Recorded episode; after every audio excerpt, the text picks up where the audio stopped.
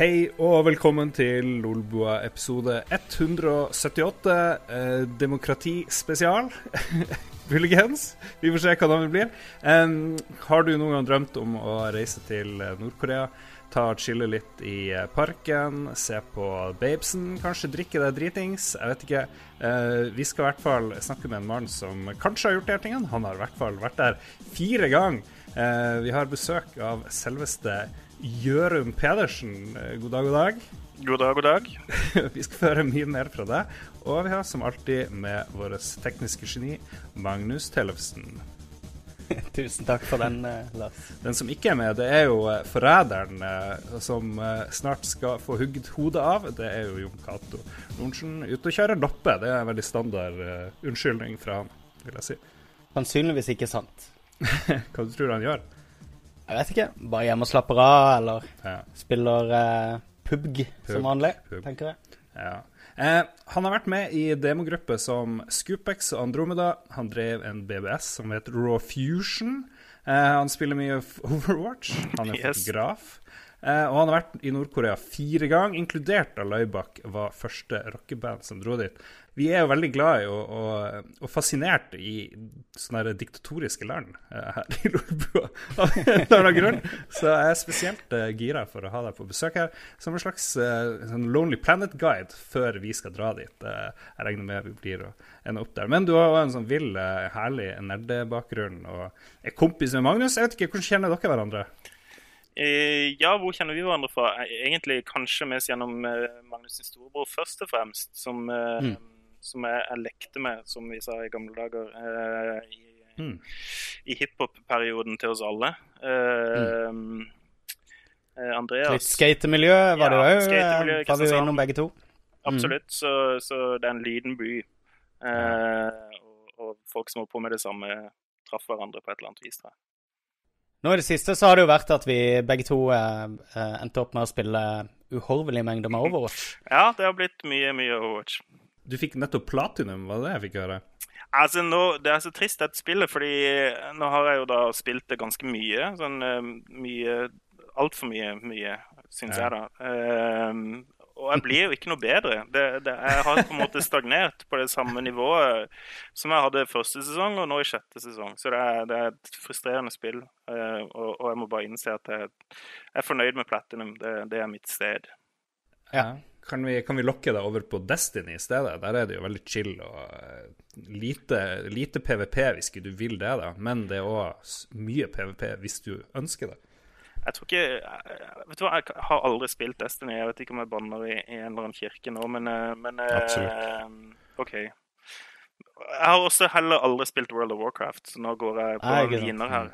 Men nei, altså, jeg må ha PVP. Det, det syns jeg f.eks. var veldig gøy med Rust. Og en av grunnene til at jeg har spilt mye Rust også opp igjennom. Ja. Men, um, men, Overwatch Og da er det som regel healer-klasse, da. Eller support. Ja, support. Vi skal, vi skal spørre deg mer om hva du spiller i eh, spalten vår. Hva har du spilt i det siste? Men vi må jo uh, grave litt ned i, um, i uh, deg her og finne ut uh, the juicy shit. vi kan jo komme tilbake Vi kan først ta nerdetingene og Nord-Korea senere. Men først må jeg spørre, hvor lang tid bruker du passkontrollen passkontroll når du skal inn til USA etter å ha vært så mye i Nord-Korea som du har vært? Ja, Det finner vi ut nå i oktober. Eh, jeg fikk nytt pass etter de to første turene, så det er kun to visum, nordkoreanske visum i det passet jeg har nå. Eh, mm. Så Før min aller første tur, eh, som var i, i begynnelsen av 2014, så husker jeg at jeg ringte til uh, Homeland Security eller tilsvarende, sendte mail og spurte er det noe problem hvis jeg drar til Nord-Korea og kom inn i USA, og så fikk jeg svar at det var det ikke. Eh, kanskje jeg ville få spørsmål på hvorfor jeg var der, eh, men ellers så skulle det gå fint. Og, og, jeg tror ikke det blir noe problem. Men, eh, men jeg kan godt de spør, og, det må de jo få lov til. Jeg gleder meg til å gjøre det. Jeg skal, jeg skal prøve å live, livestreame hele, hele inngangen. vi kan jo si til folk at uh, en god idé å uh, gjøre mens, uh, mens dere hører på den sendinga, er kanskje å stikke inn på Instagram-kontoen Lydbilder. Der ligger det en del masse konsertbilder Jørund har tatt, men også en del av bildene han har tatt mens han var i, på sine reiser i Nord-Korea. Ja, det er mest bilder fra den siste turen ja. nå, og det kommer jo litt etter hvert. da. Men, men ja, det er, det er blitt et lite sted for å legge ut noen bilder. i hvert fall. Enda mer bilder er det vel på repost.no, er det ikke det? Ja, det er helt riktig. Der ligger det flere. Ja. Så uh, fint å sitte og bla i mens dere uh, hører på denne sendingen. God reklame. Da sitter alle og ser på diverse bilder. Så kan vi jo gå tilbake i tid. Eh, først litt eh, Spesielt jeg og også Jon Cato eh, er jo veldig glad i demogruppe og den der demotida på Commodore 64 og Amiga. Eh, og hvis jeg skjønner rett, så var du med i hva det var Scoopex og Andromeda, blant annet? Var det det? Ja. Eh, lang historie kort. Jeg, jeg kjøpte Commodore 64 som alle gjorde, tror jeg, når de var 12-13. Mm. Eh, og spilte mye. Og så begynte jeg å leke litt i basic og også med musikk på 64-en før jeg, fikk en Amiga 500. Som var fantastisk, og, og for alle som fikk oppleve den tida, var det ja. Det var en opplevelse som var helt uten annen verden. Første gang du så 'Defender of the Crown', f.eks.? Ja, det var nydelig. Det var helt ja. fantastisk. Det, nei, det var så mye bra med Amigaen. Så, så, begynte jeg på videregående skole kom i klasse med en som heter Håkon og Sverre, som da var Archmage og eh, Mr. Hyde fra Andromeda da. Eh, mm. og ble venn med de. Og jeg var på en måte, de var jo veldig flinke, da. Ikke sant? Sverre er en veldig flink programmerer, og Håkon er en veldig flink grafiker. Håkon er for øvrig fortsatt veldig aktiv på Commodore 64. Um, og jeg var litt sånn outsider. så det, det, Jeg fant på en måte aldri helt min rolle. Så jeg begynte å lage litt musikk, og det var gøy. Mm. Det ligger fortsatt noen moduler ute på, på nettet noe sted, men, men, det var mest swapping og liksom sånn der, litt sånn hangaround, tror jeg, rolle jeg fikk eller på ja. meg sjøl ganske tidlig. Ja. Jeg, jeg, måtte høre på noen av de demoene. Jeg, jeg, klarte å finne Det var i hvert fall en sju jeg fant på ett sted. Det var gøy å lese på, for du kunne sette navn på samplesen, eller hva det enn det var. Så du har sånne mm -hmm. meldinger der. Og det var sånn uh, Uh, mye selvkritiske greier. ja. Veldig. Jeg var aldri helt fornøyd med, med det jeg holdt på med. Men jeg var veldig, eller jeg må ha litt skryt av altså, Musikkmessig så var jeg veldig tidlig på den tekno-greia, egentlig. At jeg syntes det var kult. Og jeg fikk mye pepper for det. På den tida, ja. kan jeg huske. Ja, fuck tekno og teknosucks. Og, uh, det var veldig sånn separasjon i, i scenemiljøet. Hvis du gikk på, på mm. f.eks. The Gathering, så var jo tekno Det var ikke noe kult. Var Hva var det folk ville ha da? Jeg, jeg fikk aldri helt, helt hengen på det. men men, men, men techno var liksom blant de kule gutta. Så var det, da var det ut. Det var ikke, noe, det var ikke greia. Mm. Um, og, og, med tekno så var jo det et sånn vidt begrep på tidlig 90-tallet, for det var jo ikke helt ja. sånn standardisert. Hva, hva er tekno. Hva alt, er alt var tekno, ikke sant? Alt var tekno, helt riktig. Ja. Ja, Var det liksom bare å eh, liksom lage SID-emuleringer av Slayer-låter som var greia, liksom? Kanskje det var uh, men, uh, men, det var jo noen som lagde mye fett. sånn Som Gin lagde en veldig fet låt i sin tid, og Static gjorde jo veldig mye kult på Amigaen. Så det ble jo liksom Tekno ble mer sånn stuereint, eller dance ble mer sånn stuereint mm. etter hvert. Men, men, i begynnelsen så var det på en måte ikke ja. Det skulle ikke være så hardt. Jeg så, jeg leste et intervju du gjorde for en stund siden, sikkert. Mm. og Det virka som du hadde Commodore 64, Amiga 500, Amiga 600, Amiga 1200 og Amiga 3000. Hvor drev du og solgte narkotika og, eh, for å liksom ha råd til alt det her? Jeg skulle ønske Nei, jeg hadde, jeg hadde ganske mange Amigaer. Jeg har to Amigaer stående her enda. Um, Hooka opp inne på rommet ved siden av kontoret. Kult. Uh, så det er gøy. Og Amiga 3000 den solgte jeg en gang, kan jeg huske. Men jeg tror jeg kjøpte den brukt. Uh, mm. Når på en måte Jeg tror kanskje det var rundt sånn 97 når folk kvitta seg med Amiga uansett. Ja.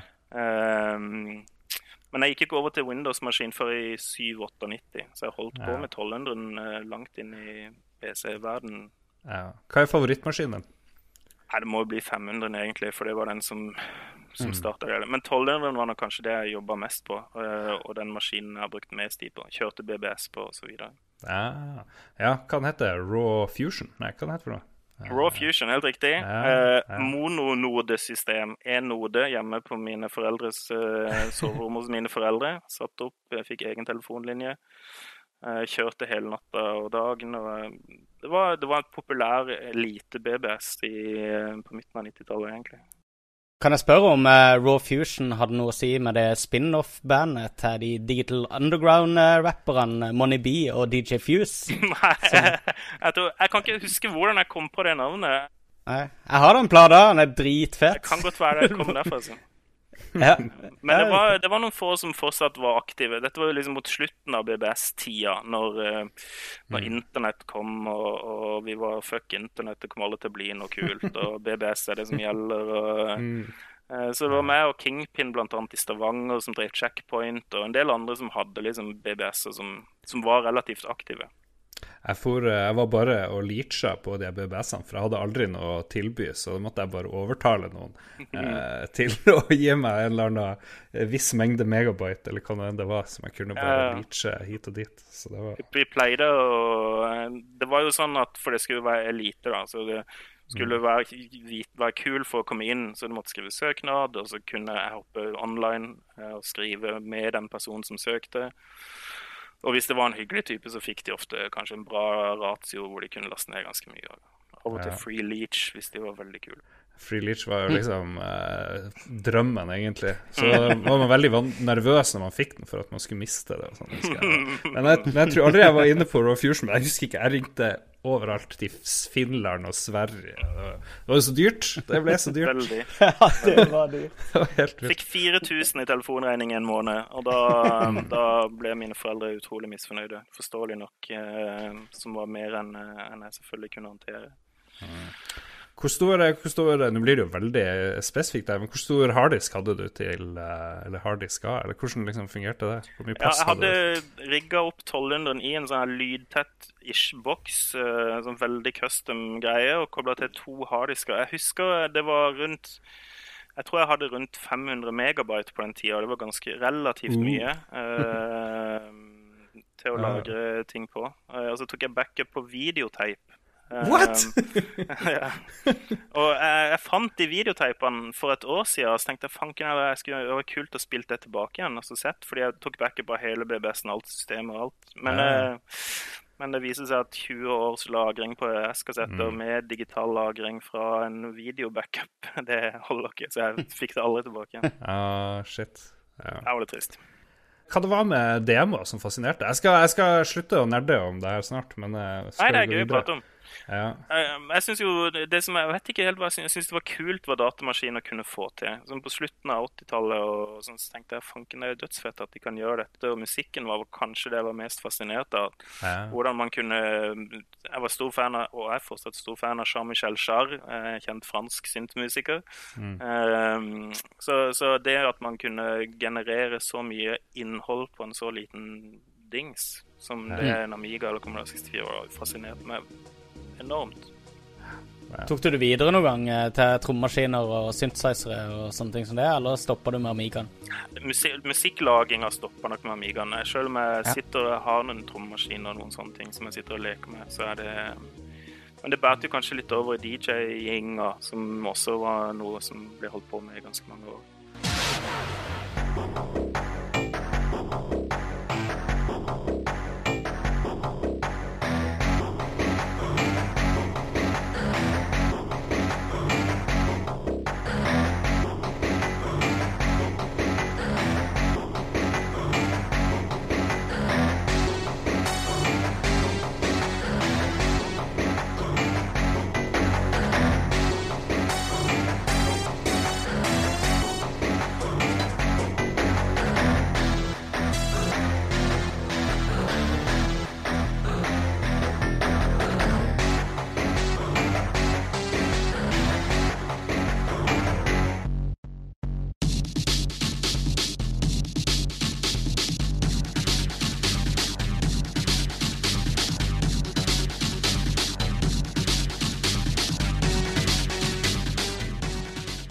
Men så fikk du sansen for totalitære regimer, Jørund.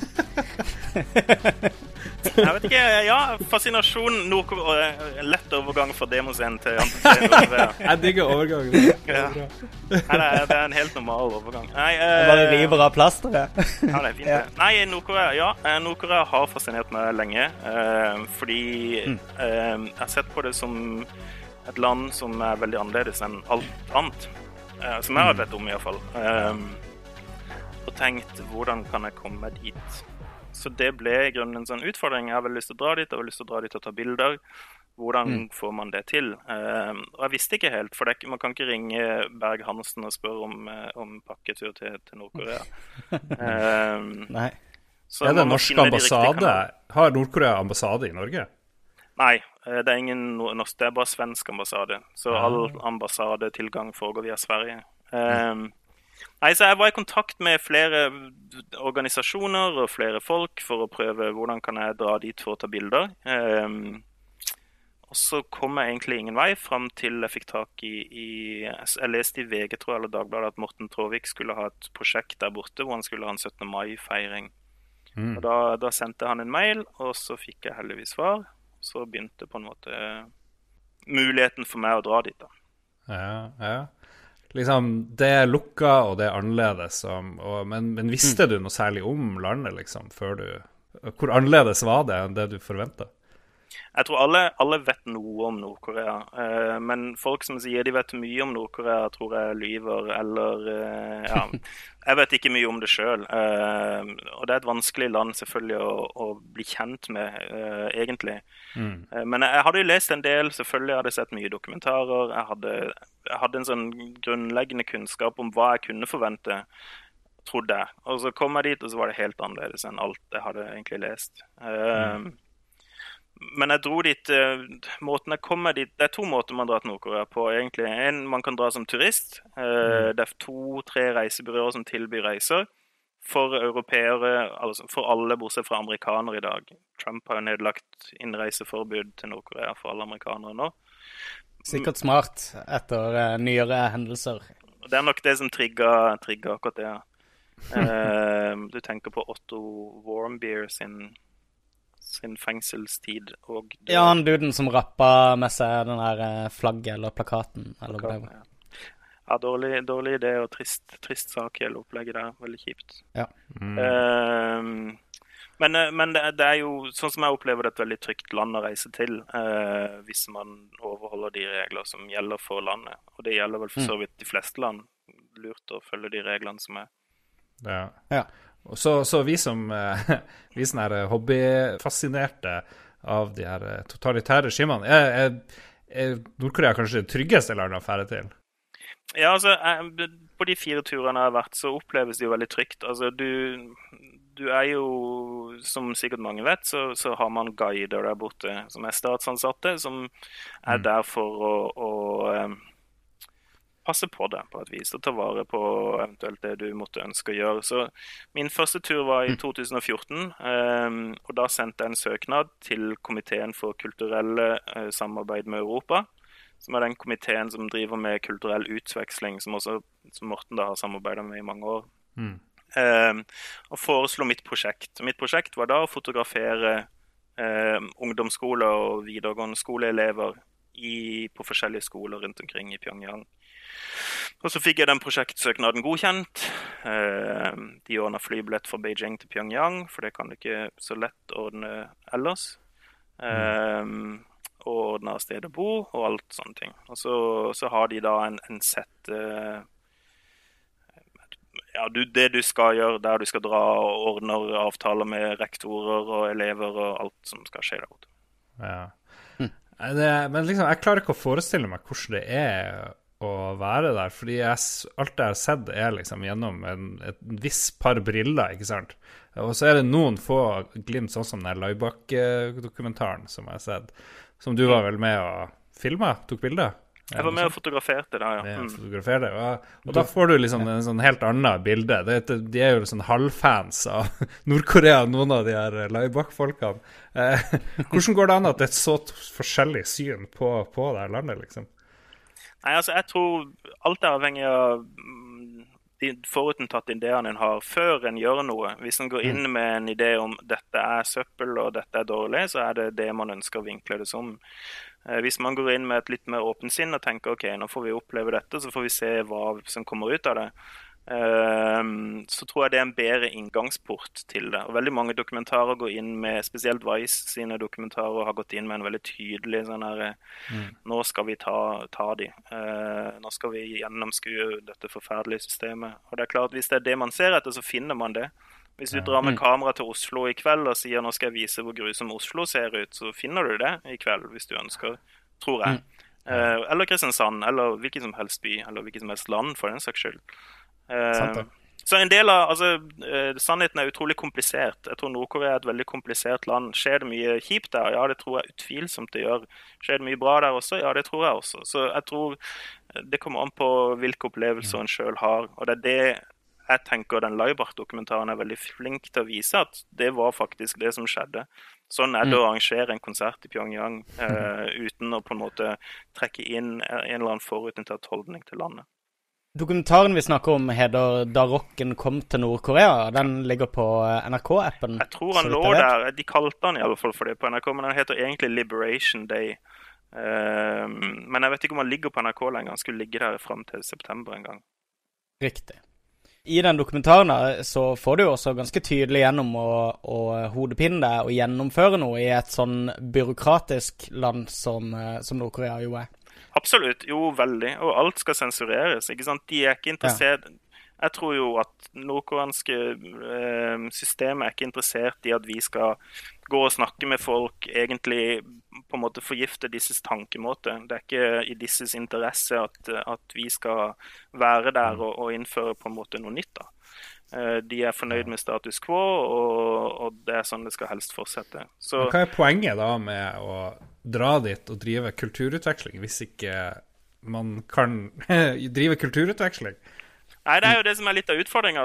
Det er jo da en må tenke hvordan kan en gjøre dette på en måte som er positiv for alle. Altså, Jeg tror jo at mennesker egentlig er mennesker til syvende og sist og er interessert mm. i å lære om andre kulturer. Så selv om kanskje en del av regimet ikke er interessert i det, så tror jeg mange av menneskene som er en del av dette samfunnet, er interessert i det. Ja. Uh, og det viser jo både Laibach-konserten og også kanskje den siste um, turen som var nå. Um, hvor vi hadde med oss syv kunstnere bort til Nord-Korea for å jobbe sammen med nordkoreanske kunstnere, at de er interessert i det. Ja. Altså, de, det? de, gjør det jo. Når var det? Siste turen? Vi kom tilbake for uh, ti, ti, dager siden, noe sånt. Uh, Holy shit. For dere var der under prøvesprengning, hæ? Ja. Vi var, vi var, det. Så det var en eh, litt turbulent periode, uh, som kanskje også noen har sett i media. Så var det mye som skjedde. Nå er, nå er det liksom krise. USA er i sånn, driver nesten og erklærer krig, og Nord-Korea driver og sender opp missil etter missil som får Vesten til å bare bli helt sånn her eh, ko-ko. Hvordan er det å være oppi der når du vet alt det her foregår? Det kan kanskje bryte ut krig, liksom. Merker du det på folkene rundt deg, eller? Ja, denne gangen var, var stemninga veldig annerledes enn tidligere. Folk var mye mer paranoide. Altså De som mm. var våre guider, virka det som, og var mye mer engstelige for situasjonen. Eh, og vanligvis så Vi forstår at vi blir sensurert, men, men, denne gangen var de nok også mye strengere enn det de har vært før. For å unngå at eh, noe skulle komme gjennom som ikke var, ikke var innafor eh, hva de ønska. Mm. Eh, og så skøyt de jo da opp den raketten over Japan. Eh, på Jeg husker ikke hvilken dag det var, men vi hadde vært der noen få dager. Og da eskalerte jo situasjonen betraktelig. Eh, det å skyte raketter over Japan er ikke så populært, forståelig nok. Ja. Eh, og så litt seinere ja, senere i uka så, så, så, hadde vi nettopp vært på mausoleet eh, hvor da Kim Il-sung og Kim Jong-il ligger i, i, likskue. Eh, og kom mm. tilbake til hotellet i titida, og jeg hadde lagt meg ned på senga for å hvile fordi vi hadde vært oppe ganske tidlig. Og så rista det i hele rommet. Um, og da tenkte jeg nå er det jordskjelv eller USA angriper. En av de to tinga. Uh, så så jeg ut av vinduet, og det var ganske rolig. og Det var ingen flyalarm, og, og, og det virka OK. Og så, så, da ble det en time soving. Uh, og så fikk jeg beskjed når vi kom ut etterpå. For det, noen av rommene for vestlige har tilgang til internasjonale nyheter. Så noen hadde BBC eller CNN og, og okay. kunne se at det, det hadde vært en hydrogenbombe som hadde blitt testa noen timer nord for Pyongyang. Det var en spesial. Da tenkte jeg litt OK, greit. Nå, nå, nå er det greit. Nå, Ikke mer nå. Nå holder det. Nå holder det, ja. er, det, er, det, er det siste gang du er der, eller er det, vil du Eh, vil du tilbake igjen eh, når ting har eh, roa seg? Hvis ting roer seg? Jeg håper ikke det er siste gang. Jeg, jeg syns det er et utrolig fascinerende land. Det er veldig mange hyggelige mennesker der. Og det er utrolig viktig å huske på mennesker oppi alt dette. En ting er hva regimet mener, en annen ting er hva, hva folk egentlig gjør. Det, en god analogi er, når jeg studerte i USA, når George Bush var president, så ville da min bror ikke besøke meg i USA fordi han likte mm. ikke George Bush. Ja. Uh, til slutt så endte han jo med å komme på besøk og fant ut at ok, San Francisco har egentlig veldig lite med George Bush å gjøre. Eh, veldig. Veldig. Eh, og det er litt det samme her. da. Man kan synes det man ønsker om regimet, men jeg tror folk er folk, og det er viktig å, å prøve å treffe mennesker. Jeg tror ikke den uh, blokkeringa og de sanksjonene som blir innført, hjelper så grusomt mye. Var, hvordan eh, er, folk interessert i deg? Tar folk kontakt når du er i landet der? Er du liksom en alien når du er i gata, eller hvordan ble du mottatt av lokalbefolkninga? Du er absolutt en alien. Det er rundt 400 uh, eh, utlendinger i Pyongyang. Uh, cirka ja. uh, fastboende. 400 i en by med tre millioner ish mennesker. Så sjansen for å treffe på en annen uh, vestlig person er enormt liten. Jeg tror ja. aldri jeg har gjort det. Um, så du blir sett på veldig, men folk er veldig nysgjerrig. Eh, og spesielt barn er nysgjerrig og sier hei og får øvd seg litt på engelsk og syns det er kult. Og, og ler syns jeg er veldig rar, selvfølgelig. De ler seg jo i hjel. Vi var i badeland, jeg rusja ned en sånn vannrusje, og de lo seg jo i hjel når jeg kom ned rusjebanen. Skjeggete, hvit dude som ja. Har du sett noe til de her kulissene? Jeg har liksom eh, fått for meg at når du går rundt i, i, Pyongyang, så er det sånne steder som er satt opp for å være sånn kulisse for at det skal se mer vellykka enn det er. Eh, fordi det kommer utlendinger som liksom skal overbevises om at eh, vi har et eh, strålende land. Det, har du sett noe til de?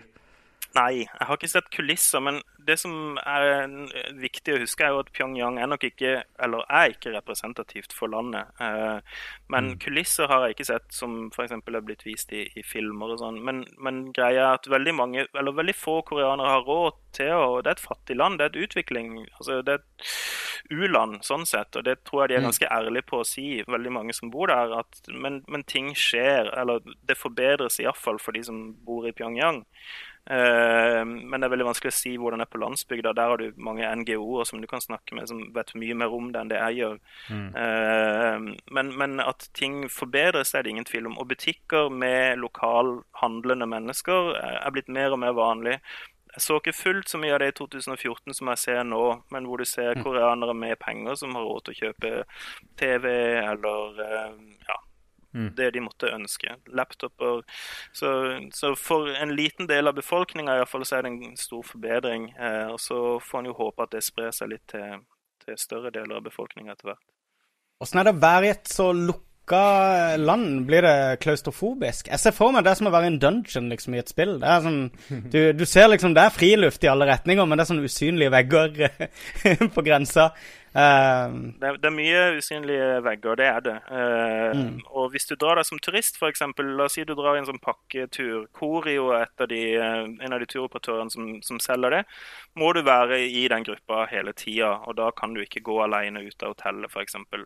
Uh, og da bor du også på et hotell som ligger på en øy midt i elva. Uh, vel å merke med, med, veier, da, men som gjør det lettere å kontrollere inn og ut. Men sånn som for min del så kan jeg gå rundt alene i Pyongyang og ta bilder med mobiltelefon hvis jeg vil det. Um, og det er ikke noe problem. Um, så Det er ikke så mye det at de ønsker å skjule ting, men eh, de er jo veldig redd for at folk skal snakke stygt om dem og, og vise ting ja. som er negative. Og Det er også en samtale jeg har hatt med dem mange ganger. Hvorfor ikke bare Altså, alle land har problemer. Norge har problemer. Altså, Alle land har det. Hvorfor ikke bare være ærlig om det og si det? Og så er det en ting som de ikke da ønsker å, å prate om egentlig som tema. Du, du noen, har du noen gang vært redd for at du, nå kommer det, denne personen jeg snakka med, til å bli drept eller bli fengsla eller et eller annet fordi de har vært for ærlige? Og jeg tenker for meg, Jeg ser for meg at det er sånn vilt tankepoliti, og du, du kan liksom ikke si noe. Du kan ikke, du kan ikke uttrykke uenighet med regimet, for da havner du i, på leir eller et eller annet sånt. Jeg tror nok det er noe i at du ikke kan uttrykke kritikk mot regimet. Det tror jeg gjelder for samtlige som bor der. Det er nok uh, en av de tingene som er absolutt uh, så å si umulig å gjøre offentlig. Det å uttrykke noe som helst motstand mot, mot både Kim-familien og hvordan regimet er lagt opp. Så der er det på en måte ikke så mye å diskutere eller prate om. Men, men uh, et av de første spørsmålene jeg hadde til en av mine guider, var hva er det vanligste spørsmålet du får? spurte han. Og så sa han kan jeg, de fleste spør, får jeg lov til å spørre om hva som helst. Og da er jo svaret ja. Eh, så du kan jo spørre om hva du vil. ikke sant? Og de er jo veldig klar over hva vi syns. Det er jo ingen som tror at vi kommer inn og tenker at, at Kim Jong-un er verdens beste leder, eller at uh, sånn som systemet der borte er det beste i verden. De vet jo at vi ikke syns det. Uh, så de er ikke interessert i å prøve å overbevise om det heller i det hele tatt. Ok. Uh, hvordan kommuniserer dere for spørsmål fra chatten hvordan kommuniserer dere med lokalbefolkninga og med disse som bor i landet? Har dere tolker med dere hele tida, eller? Ja, altså, det, det, er en av de rare tingene. fordi av og til så, så, er det helt OK å snakke med lokalbefolkning, f.eks. Og da bruker jeg jo en av guidene som kan engelsk og koreansk som tolk. Eh, hvor du kan gå mm. bort eh, Jeg har spurt flere ganger kan vi gå og snakke med han eller hun. Ja, så går vi bort og snakker med han eller hun. Eh, og så tar jeg gjerne bilde av dem hvis, hvis, det er OK for de at jeg tar bilde av dem. Og så, så, går det via tolk. Eh, mm. Men det som er greia, sånn smalltalk, er jo gøyere enn de store spørsmålene. Du går ikke bort og spør hva syns du om Kim Jong-un, eller hva er på en måte Hvordan er det å leve i et land som har de restriksjonene? Skjønner du? Det går på andre mm. ting. De er interessert i fotball, de er interessert i ting som vi også er interessert i. Vi går ikke rundt og prater politikk okay. hele dagen. Uh, akkurat som de heller ikke gjør, tror jeg. Hva er det vi kan lære av uh, Nord-Korea? Som, som vi ikke er klar over. Hva kan vi lære av Nord-Korea? Uh, det, det, som jeg syns er fascinerende med landet, er til tross for å leve i et land som har de begrensningene som det har, så har de en utrolig bra utvikla, eller interessant utvikla kultur. Jeg synes de har Musikkmessig så syns jeg de er enormt dyktige eh, til å gjøre det de gjør. Jeg vet ikke, De har mange egenskaper som vi sikkert kunne lært noe av. Um, men, men et, godt, et, godt, spørsmål var vi jeg må, jeg må, tenke litt på det, tror jeg. Men um, jeg tror alle mennesker har noe å lære av andre mennesker. Jeg vet ikke om det er noen sånne spesifikke ting som jeg, jeg tenker nå er mm. Kan vi, kan vi, prøve å eh, dra det litt inn mot eh, Lolbua og ja. eh, vår geekiness? Yes. Um, du delte en video med meg, og jeg vet ikke om du fikk sett den, eh, Lars? Nei. Fra et uh, mo mo lokalt uh, mobilspill som du fikk testa der. Og jeg har sett litt bilder fra, fra spillehaller og sånne ting. Mm. Og, hvordan ligger det an på gaminga i, i Nord-Korea? Jo, eh, faktisk kanskje bedre enn man skulle tro. Eh, ja. eh, i fall, så husk, Når vi snakker om Nord-Korea, så er det Pyongyang vi i utgangspunktet mener. Altså, Nord-Korea er et stort land, 25 millioner mennesker. Veldig mange byer får man aldri besøke som vestlig. noen byer kan man. Så, så Pyongyang er jo selvfølgelig det de ønsker mest å vise fram, og der også flest turister kommer. Og der det også bor flest mennesker. Uh, så I Pyongyang så har du flere uh, spilleautomater bl.a. som kommer fra Kina. Uh, ligger noen år etter, men, men jeg tror jeg har sendt deg et bilde av et bilspill. Typisk sitte to seter og kjøre bil. Mm. Med sånn arkadegreie. Så, så ting skjer. Eh, etter hvert som, som, man får økt tilgang til ressurser, i alle fall i deler av befolkninga, så vil jo også behovet for underholdning tror jeg bli større. Ja. Eller mulighetene for underholdning. Uh, og Noe som også har skjedd hvis du tenker på den geek-sida, er mobiltelefoner. Uh, fram til 2011 så var det ulovlig å ta med seg inn mobiltelefon i Nord-Korea. Så hvis du kom som en vestlig besøkende, så måtte du legge fra deg mobilen på flyplassen, og så kunne du dra inn i landet. Nå har jo enormt mange mennesker i Nord-Korea fått mobiltelefon. Og de har også et eget mobilnettverk. Eh, Coreolink.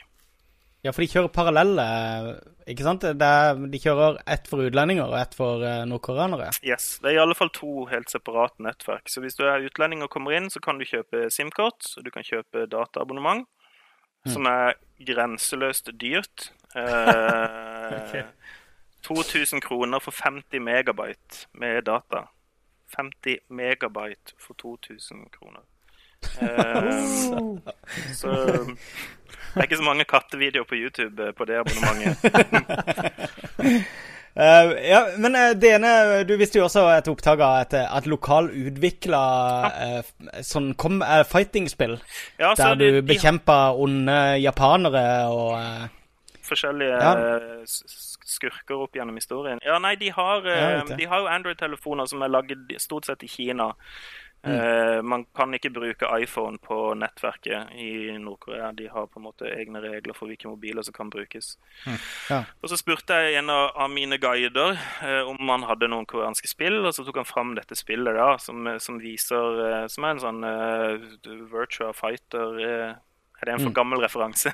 Nei, nei, nei. Det, det, det. type slåsspill mot, mot, hverandre, og som går gjennom sånn historiske figurer. Den uh, videoen, den, uh, Vi skal linke opp den videoen uh, i uh, Lolbua Entourage, så mm. folk kan se Alle som har hørt denne sendinga, kan gå inn i Lolbua Entourage og, og, sjekke ut. Det er fascinerende greier. Det som er litt søtt med det, er at de er veldig interessert i altså, Det er et land som er veldig opptatt av undervisning og læring. Mm. Sånn at for hver gang man skal klare et nivå, så får man et sånt spørsmål. Uh, F.eks. hva hva er to ganger ni, f.eks.? Og så må man klare dette spørsmålet for å gå videre til neste nivå. Litt sånn Lush Suit Larry, eh, 18-årsgrense i ja, gang. Alderskontrollen i Larry. Det hadde knekt hele fighting-sjangeren. ja, det var sånn her i Vesten. tenk, hvor, tenk hvor kraftfull uh, Korea som samla nasjon kunne vært i sånn her uh, Counter-Strike og jeg vet ikke, alle mulige sporter. Sør-Korea alene er jo sånn uh, stormakt der, så jeg ser stort potensial for uh, Nord- og Sør-Korea i lag på uh, diverse sammenhenger. Jeg tror det er, det er en drøm for begge koreaer, tror jeg, nettopp å slå sammen til et land. ja. Ja, akkurat nå er de veldig på det, i hvert fall. Ja. Um, men du, er, de veldig interessert i Har du prøvd å vise de noe spill, eller noe av det du har med deg? Er det liksom, er det off limits å liksom si 'sjekk denne boka', eller whatever? Nei da. Eh, så når du kommer på flyplassen i Pyongyang, eh, så, så går de gjennom alt. Mobiltelefoner, laptoper, eh, minnepenner, minnekort, og sjekker om du har med deg noe som er ikke akseptabelt. F.eks. pornografi. Det er ulovlig med porno i, i Nord-Korea. Så, ja, så, hvis du har med deg noe som er på en måte ikke akseptabelt, så, så må du da blir du bedt om å slette dette. Uh, mm. Det kan være filmer eller andre ting. Uh, de har aldri funnet noe på mine maskiner som ikke har vært akseptabelt. Men, mm. men, jeg hadde med meg da telefonen med en del dataspill som jeg visste var offline, siden man ikke kommer egentlig online med mindre man punger ut mye penger. og det, det, tror jeg står over. Så, så, ja, de var veldig glad i, i Jeg vet ikke om de har spilt et spill som heter Zuro. Uh, mm. Nei, det er et IOS. Det er egentlig et brettspill, et, et kinesisk brettspill så han ene mm. guidene mine han, han forelska seg helt i det og lånte mobilen min og satt og spilte. eh, og så spilte jeg også mye et spill som heter Four Player Reactor, med en av de andre guidene, som, eh, som, hvor det er en sånn reaksjonsspill. da. Det var veldig universale spill. Spill som ikke krevde mm. noe kulturell eller uh, popkulturell forståelse, som, som var enklere. Ja. Du får ta med sånne norske hva det heter, Trolls versus Vikings og se om det slipper gjennom det, det, blir slipp, det, blir helt garantert sluppet gjennom, og de syns det er mm. kjempegøy å spille. Så, så eh, det, det, er veldig, det eneste som ikke er OK, er egentlig nakenhet og ting som er øh, veldig tydelig kritikk eller kritikk av regimet. Alt annet er stort sett OK. Har du hørt om spillet uh, Papers, Please? Ja, jeg har hørt om det. Eh, kanskje, det, kanskje ja, vi er inne på noe som hadde vært problematisk der. Det er mulig. OK, vi tar en liten pause, og så skal vi komme tilbake med spalten Hva har vi spilt i det siste?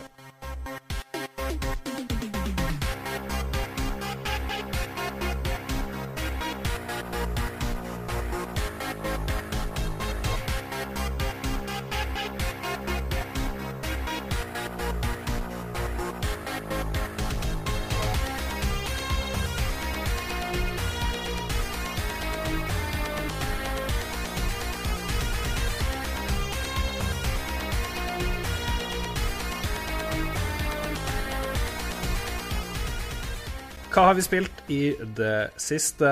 Jon Cato har spilt Destiny 2. Det har jeg gjort. Vi har raida i lag. Det kan vi snakke litt om. Eh, Magnus, du har spilt noe new shit, ser det ut som. Og Jørund aner jeg ikke hva jeg har spilt og vil snakke om.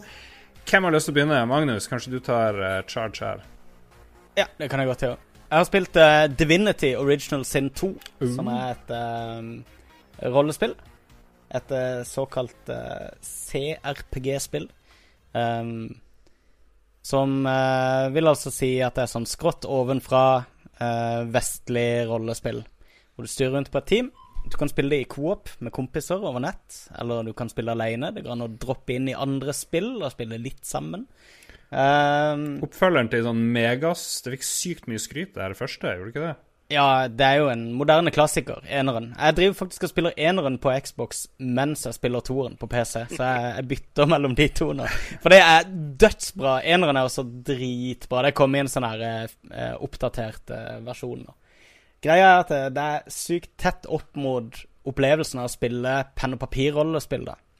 Så du befinner deg gjerne eh, Du finner raskt en stor hub hvor, eh, hvor alle oppdrag og eventyr på en måte skjer ut ifra.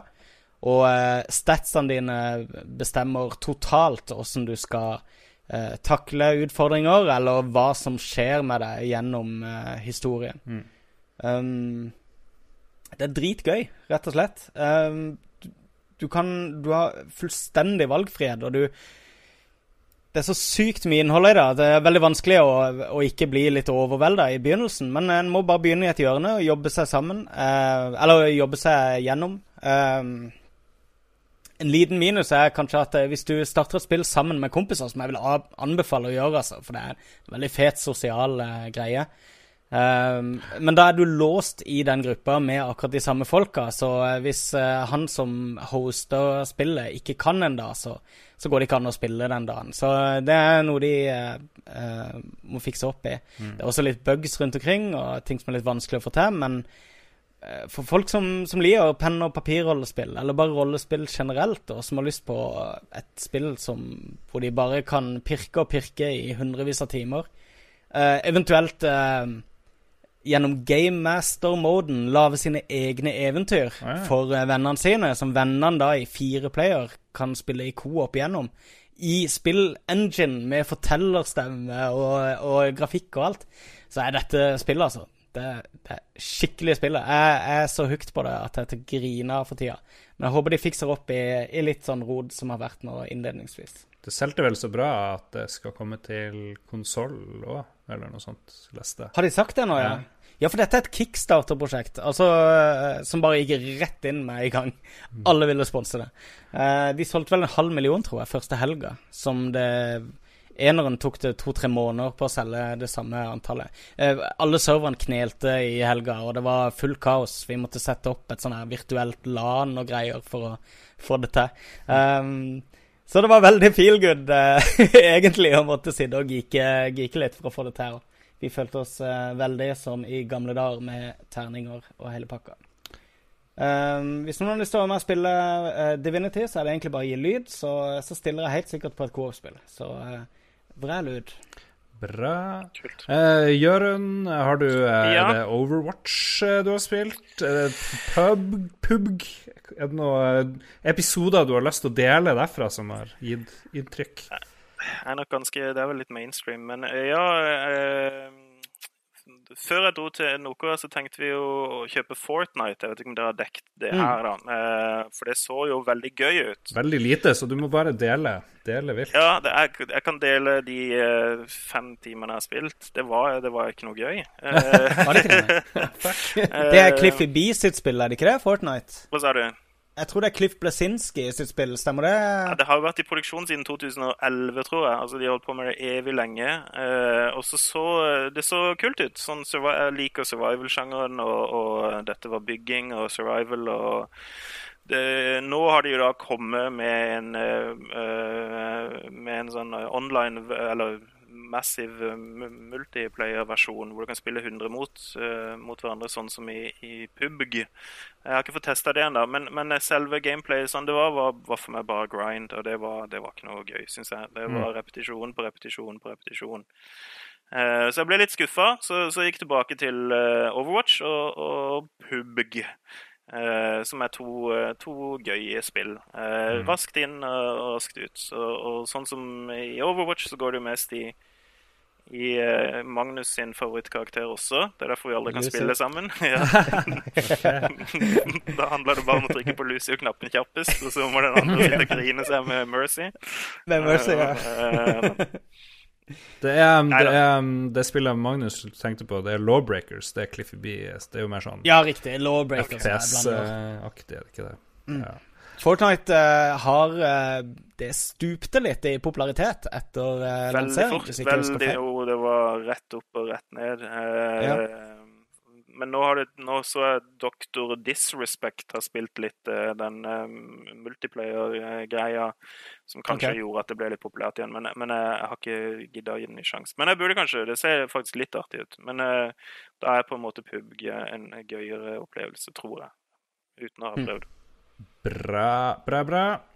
Noe mer du har lyst til å dele, Jørund, eller skal jeg ta over Nei, Spillmessig så tror jeg det er alt jeg har å meddele. Uh, eh, 850 timer i Overwatch har tatt over all anspilling. Nei, det er, trist, det? En, trist, en, trist, verden. Det er mye. Jeg snakka forresten med en fyr uh, som eh, spilte litt Destiny med han, og så snakka vi om hvor mye timer folk brukte, og så sa han å ja, du har bare spilt For han sjekka meg opp på Time Wasted on Destiny. Ja, du har bare spilt 700-800 timer. Jeg bare ja, jeg trodde jeg hadde spilt mer, liksom.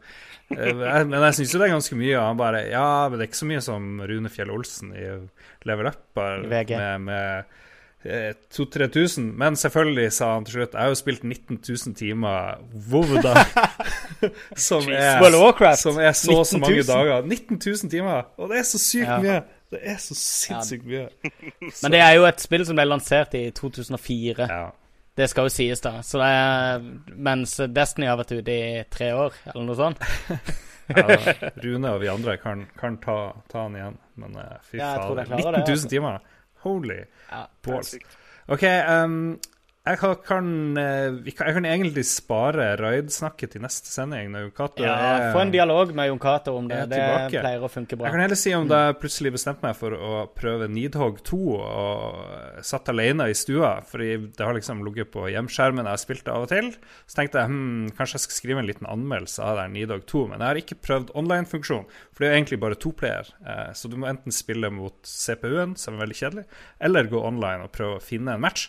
Og jeg satt i 40 minutter, tror jeg, uten at det kom noen spillere. Hæ? Ja, jeg satt og gjorde andre ting og bare lot det matchmake. Og det skjedde faen meg absolutt ingenting. Jeg valgte liksom any uansett matchtype, og både ranked ja. og ikke ranked. Så bare ja, ja, fuck it. og siden det var litt kjedelig, så tenkte jeg det kunne være gøy å bare streame der. Se hvor lang tid det tar å få en kamp og sitte og chatte med de som eventuelt følger med. Og vi ble til slutt 14 stakk stykk som satt og venta på, på, kamp på det meste i, eh, i Nidhogg og bare så på loading-skjermen. Og så skrudde jeg på lyd etter hvert, så jeg begynte å lage fårikål. Uh, og uh, snakke om ting som var i kjøleskapet og sitt, og så videre. Og så gikk det jævlig lang tid, og så plutselig så bare hører jeg sånn ny musikk, for jeg har headphones på. Så må jeg bare springe ut i stua, og så ser jeg at der er det jo faen, faen en finsk fyr som driver og logger på. Så det ble en sånn et vilt klimaks, og folk i bare Wow! Nå kommer det endelig noe å se på. Og det ble jo det klimakset, og jeg tapte etter en beinhard kamp på sikkert seks-syv minutter. Vi for og sprang tilbake der og styrte på. Jævlig gøy. Veldig morsom opplevelse. Morsomste streaming jeg har gjort. Uh, uansett type. Så nå har vi jo vel delt den ut på YouTube, så hvis noen har lyst til å se. Ja, for i det vi logga på i dag, så fikk du veldig mye ros for den eh, Needhog-streamen din, så uh, Ja, veldig, veldig sånn Folk må kjappe seg ut og sjekke ut. En litt spesiell uh, greie. Men ja, Needhog 2 er et fantastisk spill, men du trenger noen å spille med. Det holder ikke å lete en time på nettet, det er ikke praktisk. Er det så få som spiller det? Jeg mener, Needhog 1 var jo dritpopulært, var det ikke det? Men ja, jeg tror det, jeg tror det, var flere som fulgte streamen enn folk som spilte i Skandinavia, eh, virka det som. Merkelig opplegg. Uh, men uh, ja, uh, vi så på Level Ups i livesending. Der spilte de bl.a. Nidhogg mot hverandre. Det var utrolig engasjerende å se på, i hvert fall. Det er en veldig kul den visuelle oppdateringa som sier i spillet.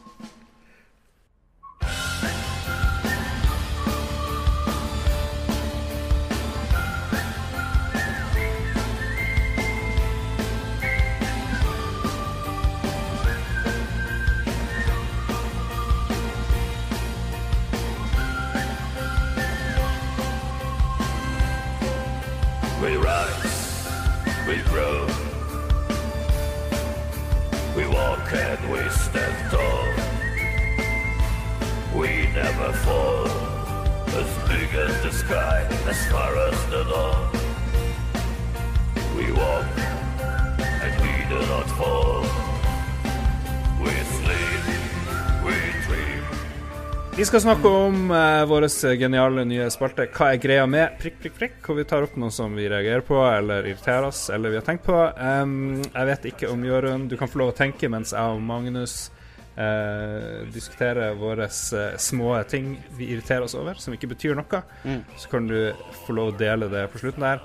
Um, by the way, hva er greia med denne her um, grilldressen din, Jørund? Det må jeg jo spørre. Det har vi glemt Nei, å nevne. Jeg tenkte jo for anledningen så måtte jeg da gå med, med treningsdrakt, nasjonal treningsdrakt til, eh, til Nord-Korea.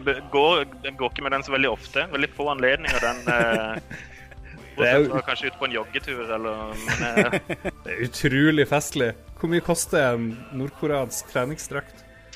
Nei, det er, jo, det, er jo, det er jo lagd for oss turister, da. Ja, ja, ja. Si. Altså, den, den, jeg går med her nå. Uh, så, og det er jo også greia, som i veldig mange den type land, sånn som på Cuba, så har du en pris for oss vestlige, som har penger. Mm. Og så har du en annen pris for de som ikke har så mye penger, eh, nemlig de som bor der borte. Så den er jo lagd eh, i dette tilfellet i størrelse trippel XL. nordkoreansk størrelse. jeg er vel å merke ikke så stor at jeg trenger generelt men, eh, men, for nordkoreaner... Nei, så, så hvor mye betalte jeg? Jeg tror jeg betalte 500 kroner, faktisk. Ganske mye penger. Oi! Høyt prisnivå i Nord-Korea, har jeg inntrykk av. Ja, men det, de kan jo bare sette en pris, ikke sant. For det er ikke noe, du kan ikke shoppe rundt et hotell. og det, det så eksempel prisen vi betalte ca. forrige gang nå nettopp, var 140 mm. euro natta eh, på hotell, mm. inklusiv wow. tre måltid, eh, altså frokost, lunsj og middag. Så, så, så, hvis ikke du vil betale det, så greit. Da kommer du ikke da, det, var, det, er prisen. Så, det er ikke buyers market i Nord-Korea? Nei, det er jo ikke akkurat det. Nei. um, men, eh, men, nei da, jeg syns det er en litt gøy, litt gøy dress. Det, det, er jo ikke noe annet enn at det er litt morsomt, synes jo jeg, da. Så, den, er, den, er, veldig kul.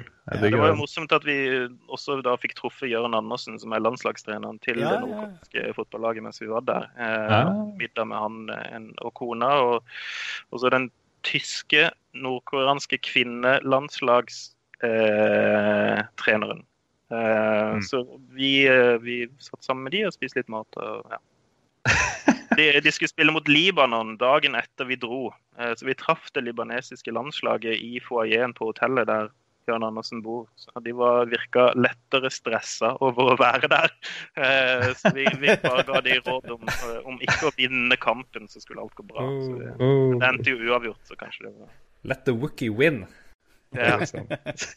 uh, OK, hva er greia, Magnus? Hva er din um, Hva du reagerer på denne uka? Har, jeg drevet og kjefta på NRK Nyheter i det siste. Jeg, okay. jeg driver og irriterer meg over Dette her er jo egentlig ditt feil. Uh, Lars. Jaha. Dette her med presse og Vær varsom-plakat og sånne ting. Men mm. det har slått meg at i denne kampen for lik og klikk eh, engasjement i sosiale medier, så, så, får vi kommentarfelt under alt som kommer av nyhetssaker. Inkludert sånn dustete ting som Altså, ta den her ubåtsaken da, som vi snakka litt løst om innledningsvis her. Eh. Mm. Altså, underveis, når det har kommet nye vitneutsagn eller nye bevis har blitt presentert, så, så, er det nyheten, ikke sant? Det betyr at det er ingen konklusjoner fatte i denne, denne mordgåta, ikke sant? Og det er en, en, etterforskning som pågår. Så mm. slenger NRK Nyheter ut et kommentarfelt. Der, og jeg har vært og kjefta på dem og spurt dem hva er hensikten, hva, er, hva, er liksom, hva fungerer dette Altså, hva er det dere prøver å oppnå med et kommentarfelt her? Jeg forstår det ikke. Altså, Er det noe annet enn spekulasjoner og sladder som kan komme ut av et sånt kommentarfelt? Det er jo selvfølgelig ingen av de som skriver noe der, som liksom har noe mer å komme med enn de som er engasjert i saken. Og der er liksom min greie, da. For jeg mener jo at det som da ble publisert der Altså, Har ikke, har ikke avisene sånn redaktøransvar for det som publiseres på sosiale medier òg? Du klager over for mye ytringsfrihet. Eh, det har ikke med ytringsfrihet å gjøre. Det har med at de oppfordrer De oppfordrer eh, Bermen til å si ting de ikke kan si. for det at de er bundet av Vær varsom-plakaten. Og jeg mener at Vær varsom-plakaten binder de uansett, siden det er de som publiserer de der kommentarene. Takk for meg! God. Men jeg, jeg, tror, eh, jeg, tror, du er helt eh, inne på noe. Jeg tror eh, alt som publiseres i, i denne type sammenheng, er dekka av Vær varsom-plakaten. Og ja. Uh, har redaktørens på en måte ansvar til syvende og sist. Og det er jo derfor de er ute, iallfall NRK synes jeg er ganske flinke til å i fall, moderere kommentarfeltet til en viss grad. Jo, jo men hvis du mm. sier liksom sånn Ja, nå har de funnet ut ikke sant, at uh, Hva var det han der ubåtsjåføren sa liksom Ja, hun hadde fått Hun hadde fått det der Jeg vet det. det var et bra ord. Uh, Kapteinen. ja, hun fikk lokk i, lokk i trynet, så jeg var nødt til å partere henne og mm. hive henne i sjøen, ikke sant? Greit. Tingen er at eh, Da skal NRK som, som, en objektiv nyhetsformidler egentlig bare formidle at nå er det sagt. Det er der vi har kommet i saken. Ikke sant? Ingen konklusjoner er trukket. Du går ikke ut og sier 'hva syns du?' til folk. Og så Alt som sto der, var jo selvfølgelig bare 'for en løgner', og dette her er liksom ikke sant? Jeg, ja, jeg syns det Jeg syns de fordummer Norge med sånne kommentarfelt. Jeg tror vi må sende deg til den nordkoreanske ambassaden i Sverige sporenstreks. Be om nytt statsborgerskap. Eh, Slipp du kommentarfelt ganske fort. Ja, det er eh, relativt få kommentarfelt. Men et lite addendum til det. Dere ja. som er tech-geeks, hvis vi kan eh, hijacke det. det på, og dette er også litt nytt. På mobiltelefonene som da er Android-telefoner, så har man da altså ikke internett, men intranett-tilgang nå. Eh, så på en nordkoreansk, for nordkoreanere så har de da tilgang til to eh, nettsted eh, som er hardkoda, altså IP-adresse. 10 punktum et eller annet. Så, så, det er ikke så mange å velge mellom. Men du har da KCNA, som er det offisielle nordkoreanske nyhetsbyrået. Og så har du eh, tilgang til SciTech Complex. Science and Technology Complex. Og this is mm -hmm. på en måte database av kunnskapsartikler. Okay. Uh, mm? Ikke Wikipedia, tror jeg vi trygt Nei, kan si. Nei, Wikipedia har vi ikke tilgang til. Um, det fins en organisasjon som uh, jobber uh, i Nord-Korea da ulovlig per det nordkoreanske regimet med ja. å spre Wikipedia uh, i form av en av de portable Wikipedia-versjonene. Ja, ja, for det kommer i en, en offline-versjon, og du kan laste ned Wikipedia, kan du ikke det?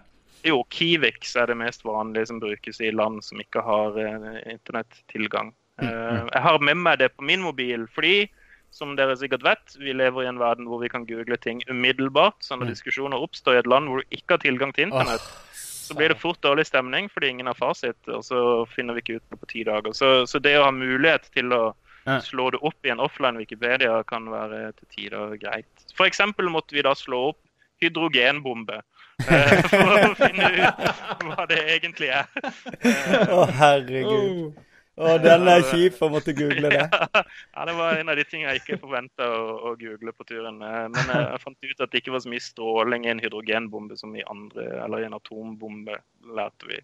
Eh, forresten, han, eh, Morten Tråvik sa forresten at han aldri skulle tilbake til Nord-Korea fordi at han hadde blitt utsatt for noen drapstrusler og noe greier fra en av sine kontakter i landet. var du noe berørt av det, eller?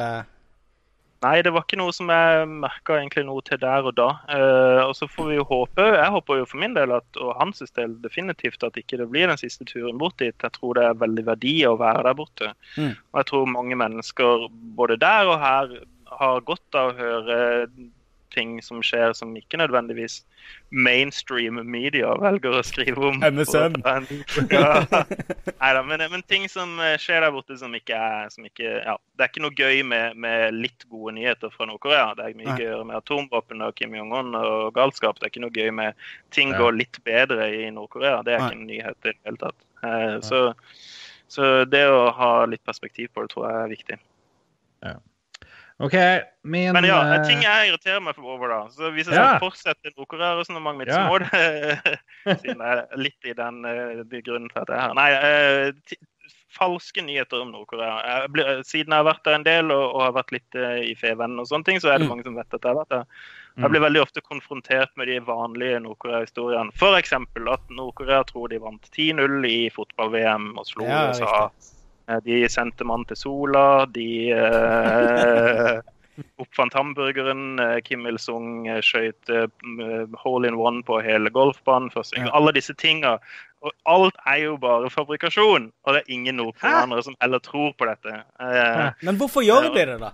Fordi disse, disse nyhetene kommer jo ikke fra Nord-Korea. De kommer nei, nei. fra enten Sør-Korea eller de kommer fra Kina. Eller de kommer fra noen som har hatt det gøy på internett og lagd en meme. Og, så, ja. så, og til og med så Washington eh, Nei, eh, ja, en, en, anerkjent avis siterte nettopp det der hole in one-greia fra Kim Il-sung. Uh, at det står i hans memoarer. Og det står ikke i hans memoarer noe ja, sted. Ikke sant? Skjønner du? Ja. Så selv medier som er på en måte bra og, og vanligvis trygge, går i den fella. Mm. Mm. Så uh, hvis det er en ting som grinds my gears, uh, så er det litt den der feil mm get your facts straight ja, det... hvis du først skal kritisere noe. Det er mange ting som dere kan kritiseres for, men ja, ting må man liksom ta, ta de tingene som faktisk er, er feil. Jeg syns det er helt likt med den Trump-greia. Hvorfor gidder de å spre fake news om Trump? Når han gjør et eller annet oppsiktsvekkende idiotisk hver eneste dag, så hvorfor må du fabrikkere noe? Liksom, Hva er poenget? Det er, alt er jo der i, ikke sant? I, rett foran deg. Du har det jo i fanget, så hvorfor skal du fake det? Ja. Helt enig. Det er Troverdigheten synk. Ok, Jeg skal ta det helt ned på eh, jorda, eh, bort fra noe viktig og ned til noe trivielt. Eh, hva er greia med den nye iPhone X, folkens? La oss være litt materialistisk her. Ja. 12 000 et eller annet for en ja, ny mobiltelefon. Hva er, hvordan går det an? Jeg har veldig lyst på, på den. Det er den første iPhonen noen gang. Jeg har alt Android hele mitt liv. Det er den første iPhonen jeg, jeg faktisk har lyst på. Ja, er det fordi den er så sykt dyr og eksklusiv, eller? Jeg syns han ser veldig fin ut, og han har en del ting som Jeg syns iPhone eh, har tapt seg så helt siden 2009, egentlig, eller mm. fra lansering, altså har de gjort veldig lite som har vært veldig revolusjonerende. Mm. Men nå føler jeg de har kommet med en del ny teknologi, f.eks. den nye ansikts-face recognition-greia, som jeg syns ser kul ut. Uh, og jeg syns skjermen ser veldig bra ut. Uh, mm. Han har skåret veldig bra i de nye testene som han har kjørt. Jeg vet ikke, Det er, en, det er et produkt som som er på lista over ting jeg ønsker hvis jeg har Men er det liksom Hvis det står mellom en 4K-TV og liksom ansiktsgjenkjennelse på mobilen din, som stort sett er i lomma di, er det liksom Er det mobilen? Jeg vet ja, Men, men bruker, ikke du, bruker, ikke du, mobilen din mer enn noe annet, egentlig? Jo, men den ligger jo i lomma. Kommer an på hva du bruker den til. Jeg bruker mobilen 90% til å høre på musikk eller ringe med. Eller sende meldinger. Det er liksom Jeg kommuniserer med den. Eh, jeg er ikke så opptatt av funksjonalitet utover det. Så jeg er sikkert mm. litt uh, på sida av målgruppa der. Ja. Men jeg tror at, eh, at, den er så jævlig dyr og den er litt sånn eksklusiv, det tror jeg lokker en del folk uh, ubevisst. I hvert fall meg, da. Jeg, jeg får sånn irrasjonell, irrasjonell lyst på den, selv om jeg f.eks. ikke vil ha den der ansiktsdriten. Jeg syns det fungerer. Det er optimalt det å kunne bare legge tommelen på den greia og så lese den fingeravtrykket mitt. Det er jo superenkelt. Drive og skal liksom ja, har jeg på min telefon. Nå må, må, jeg liksom holde han foran trynet. Før kunne jeg bare liksom ta i han og liksom se hvor, uansett hvor han er i forhold til meg videre. Nå må jeg liksom peke på trynet mitt. Jeg hadde gjen... altså, tilbake. På min Nokia 950 så hadde jeg ansiktsgjenkjennelse, som var dritbra. Og på min eh, Sony Xperia X Compact så har jeg, så har jeg en dritbra uh, fingeravtrykk gjenkjenner. Det er jo ikke noen ny teknologi, men, men altså, Apple har jo x antall folk som kjøper alt de serverer til dem. Og at de da lager en sånn ridiculous uh, luksusutgave, det betyr jo bare at ja, da de sikrer liksom en sånn 5% penetration av markedet med den, ikke sant? Men de, de slapp jo mm. ikke bare den der uh, superdyre. De slapp jo en annen modell også, gjorde de ikke det? Jo da, men hvem vil ha den? Det er jo uh... Nei, det er, men, men ja, mitt poeng er jeg, skulle gjerne ønske at X-en koster 5000. Altså, det, for min del så er prispunktet det som gjør at jeg ikke kommer til å kjøpe den. Uh, men jeg, jeg, for meg bare så tenkte jeg OK, de har gjort noe nytt denne gangen. Jeg liker hvor den er utforma skjermen. Jeg liker at den er ganske sånn bezel-less. Jeg syns det er kult. Uh, hvis du får også litt lengre batterilevetid. Jeg er allerede inne i økosystemet til Apple med både denne Macbook Pro-en jeg sitter på nå, samt mm. en iPad, så jeg har en del apps som jeg allerede har kjøpt. ikke sant? Jeg, Uh, hvorfor ikke prøve det nå når de først gjør noe? Uh, så hvis noen fra Apple ser på og har lyst til å gi en gratis iPhone X, så er adressen min uh, Nei. Men, det er, men det er absolutt det er et produkt som jeg, som jeg, for første gang kan si nå mm. har jeg lyst på en iPhone, og det har jeg aldri sagt før. Men Jørund, du kan ikke bruke den i Nord-Korea? Jeg kan bruke den i Nord-Korea. På, mitt nettverk, på, på utlendingsnettverket så går det, okay, men dessverre okay. ikke på internnettverket. Ja. We'll go in springtime.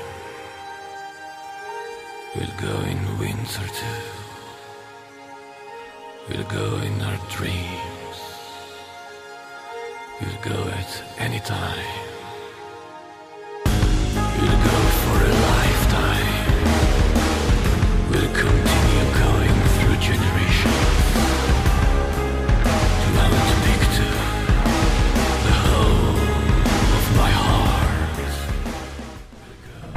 Eh, hva gjør jeg i Nord-Korea? Uh, hei, doktor. Uh, jeg tar bilder. Eh, det er derfor jeg har vært der, og det er derfor jeg søkte eh, om eh, å komme dit til å begynne med. Pluss at eh, når Morten Tråvik hadde sitt første prosjekt i Nei, sorry, ikke sitt første. Hadde sitt prosjekt i 2012. Eh, så hadde han en fotoutstilling der, og da var to av mine fotografier med eh, i den fotoutstillinga. Så det var liksom min inngangsport til eh, hele systemet, og hvordan jeg kom i kontakt med denne komiteen. Ehm, det som er gøy, er, eller gøy, det som er litt interessant når vi var der også første gang, og det gjelder samtidig, det gjelder nå også, så har du jo da ikke noe internettilgang, og de bruker dial-up-modem eh, for å sende mail. Så på hotellet så kunne, kunne man da sende mail hjem eh, via dial-up, og da måtte man skrive ned alle man skulle sende mail til, alle adresser, hvilket land, eh, og så sto de bak meg mens jeg skrev eh, mailen min. Jeg har aldri skrevet så fin mail i hele mitt liv. Så det var basically postkontoret. Ja, det var postkontoret. Mailkontoret. Sånn, telefon, fax, mailkontoret. Eh, Nice. Veldig bra, veldig bra eh, engasjering her med chatten, det må jeg si. Det gjør hun, jeg blir bare, Ikke for å skryte deg opp i lufta, her, men det, du er den morsomste gjesten vi har hatt på veldig lenge. Det må jeg si. Om eh, morsom, så mener jeg ikke humoristisk, sånn sett. Men, eh, Nei, du er nullvittig. nullvittig. Null vittig. Kanskje den Nei. kjedeligste, men beste. Ja, Ja, men det er, det er et eh, utrolig Det er et fett tema, og det det er helt vilt. Vi vet jo ingenting om det. Det, det er et stort mysterium hele landet. Så. Ja, det, men det er det for meg også, og det er det tror jeg for alle som har vært der. Det, men det som hadde vært gøy, som jeg aldri har gjort, det er å treffe noen som jobber på, i, i sånne NGO-er som jobber ute i feltet, som jobber med de fattige landsbyene, og hvordan egentlig livet er der. Fordi det er et helt, en helt annen opplevelse enn den vi får som, som på en måte er i, i byen og, og opplever det urbane. Ja, for det var det jeg skulle spørre Røde Kors og sånne ting til Ja, ute og vi har en, en organisasjon her i Kristiansand som har vært der en del, som heter uh, Christians for Korea, eller noe tilsvarende, som gjør veldig mye Men vi gjør veldig mye bra arbeid der borte. um, som jeg også kunne, kunne tenkt meg å egentlig prate med meg. Og også vært med gjerne og fotografert. Eh, ingenting hadde gleda meg mer om de kan ta flere bilder ut forbi de områdene som en i utgangspunktet har tillatelse til å ja, vi, vi har jo snakka veldig mye om, eh, om Nord-Korea mens vi har spilt eh, Overwatch sammen, så jeg har jo fått et lite innblikk i, i hver av turene dine. og jeg husker du, du sa veldig Jeg tror det var etter var det etter andre turen at du sa at For da følte du var litt ferdig med det, sa du. At nå har jeg vært der to ganger, nå har jeg gått den samme løypa. Og eh, nå tror jeg ikke det er mer for meg å se i Nord-Korea. Men eh, så fikk du jo selvfølgelig den Laibak-turen som eh, Som eh, må ha gitt en del eh, vann på mølla akkurat her. Men, men eh, nå, fjerde gangen du var der, kommer du litt utenfor den, den opplagte labyrinten, eller åssen er det? Denne gangen var jo egentlig det motsatte. Pga. den geopolitiske situasjonen så var jo alt på en måte superfryst. Så, så det var sikkert det Morten opplevde mye av. at Han kom egentlig ikke noe videre hvis du skjønner, i det han ville gjøre. At istedenfor å gå et steg lenger denne gangen, så var det ti steg tilbake i forhold til hva man fikk lov til, og hva man kunne gjøre, og hvem man kunne snakke med. og hva man Ja, kunne... riktig.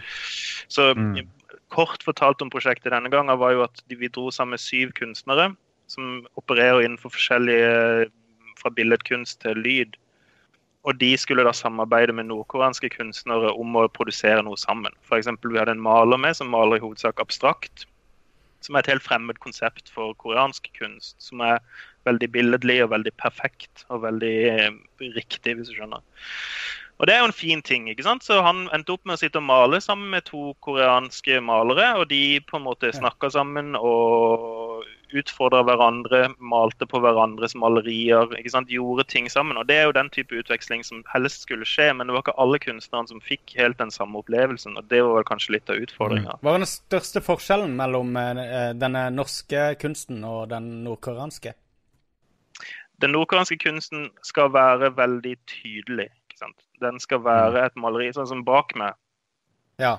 Ja. Så ser vi en dame som står eh, foran noen elver og et fjell, og så står det under på koreansk La oss gjøre disse eh, kommunistiske fjellene til, eh, og elvene til de beste i verden, eller noe tilsvarende. Let's make Korea great again. På et vis, ja. Det ser ut som et frimerke, det bildet der.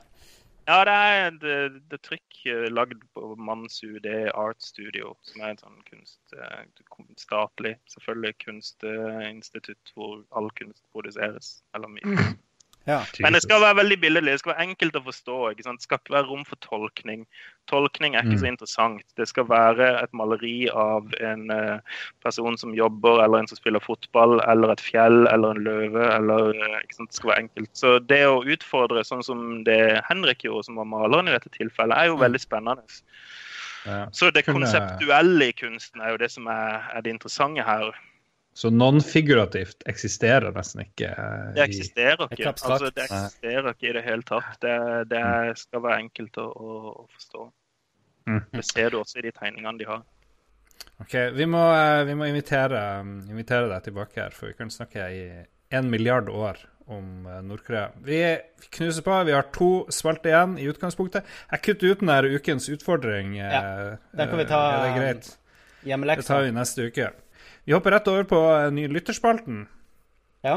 Uh, og jeg spurte folk uh, Fikk ikke så mye svar, fordi vi spurte spørsmålet en time før vi gikk på lufta.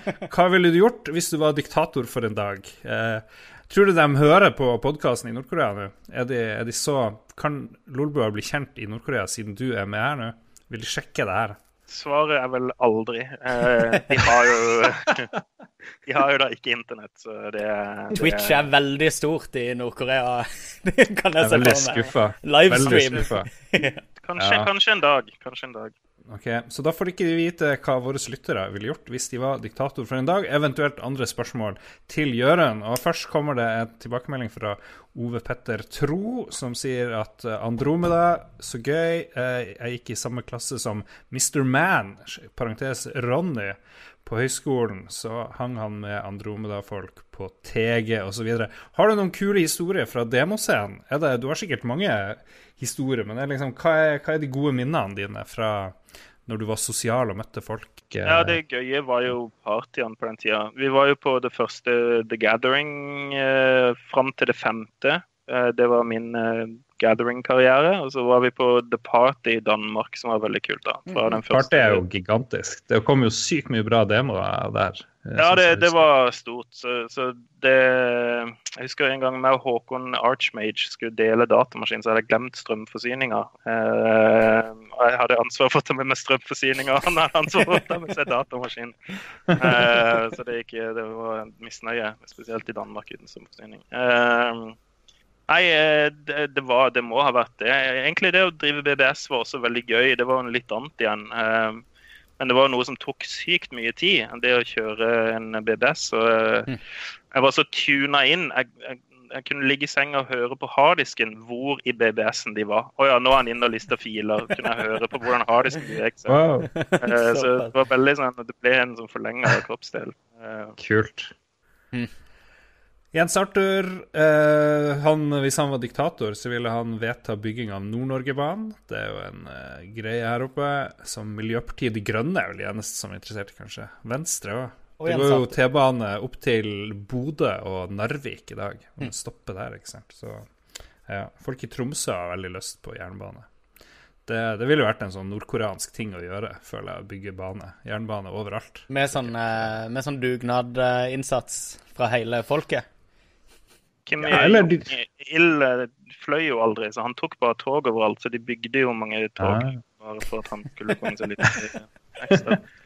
Perfekt. Ja, Ja, men det er bra. Vi må bare få en gal eller gal og gal En slags diktatorsk leder i Norge, så blir det fort jernbane overalt, uh, muligens. Få inn Sylvi Listhaug som uh... Sylvi Listhaug med flyskrekk, så har vi, så vi sikra det.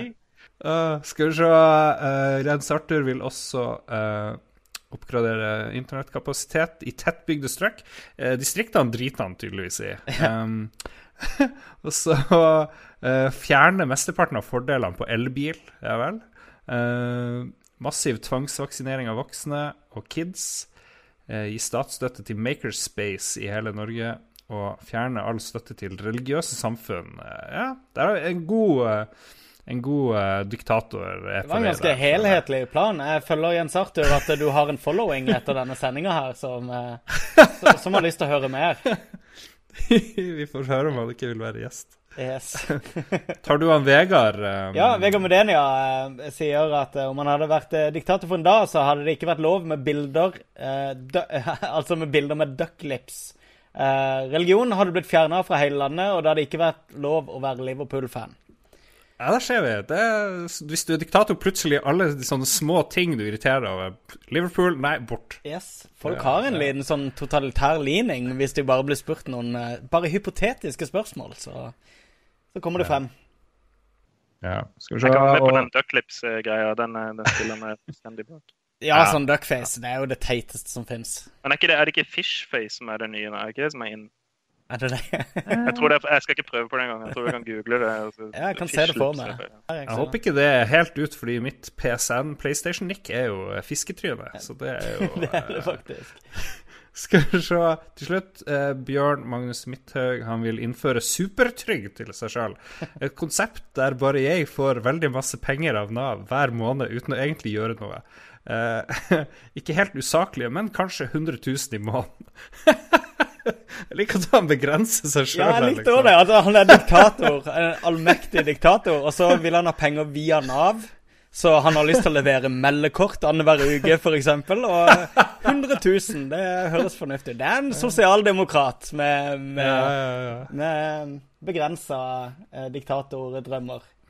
Ja. Eh, vi kan jo spørre hverandre hva vi hadde gjort hvis vi var diktator. Jeg vet ikke om dere har noe eh, kan man, alle skal ha skjegg. Jeg liker det.